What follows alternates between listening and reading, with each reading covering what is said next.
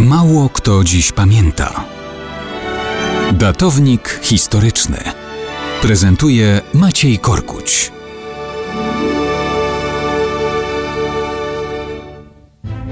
Mało kto dziś pamięta, że 2 lutego 1208 roku w Montpellier narodził się Jakub I, późniejszy król Aragonii, Walencji i Majorki, który przeszedł do historii pod przydomkiem El Conquistador, czyli jako Jakub I zdobywca.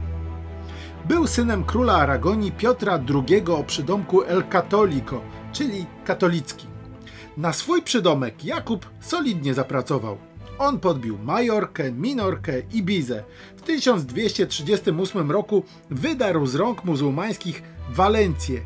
Szeroko uczestniczył w śródziemnomorskiej polityce, próbując, tym razem nie do końca z powodzeniem, rozszerzać swoje wpływy również na Italię.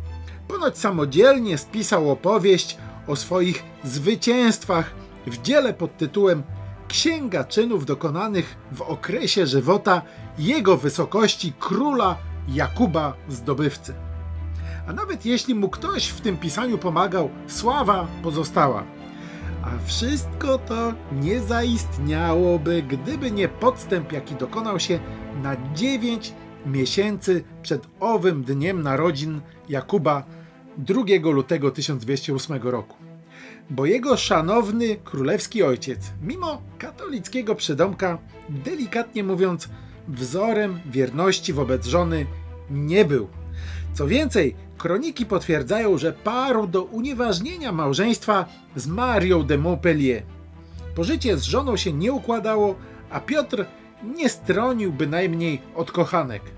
I oto bliscy współpracownicy dworu zaplanowali intrygę. Korzystając z ciemności alkowy jednej z kochanek, wprowadzili sekretnie na jej miejsce legalną żonę Piotra. Nie wiadomo w jakim był stanie ów katolicki Piotr, kiedy przybył do łoża kochanki. Dopiero rano zrozumiał, że tym razem niechcący zdrady nie popełnił i zadowolony z tego za bardzo nie był. Ostatecznie też żadnej zgody papieża na oddalenie małżonki nie uzyskał, a owocem owej podstępnej nocy był właśnie Jakub. I taki to był prapoczątek sławnego El Conquistador.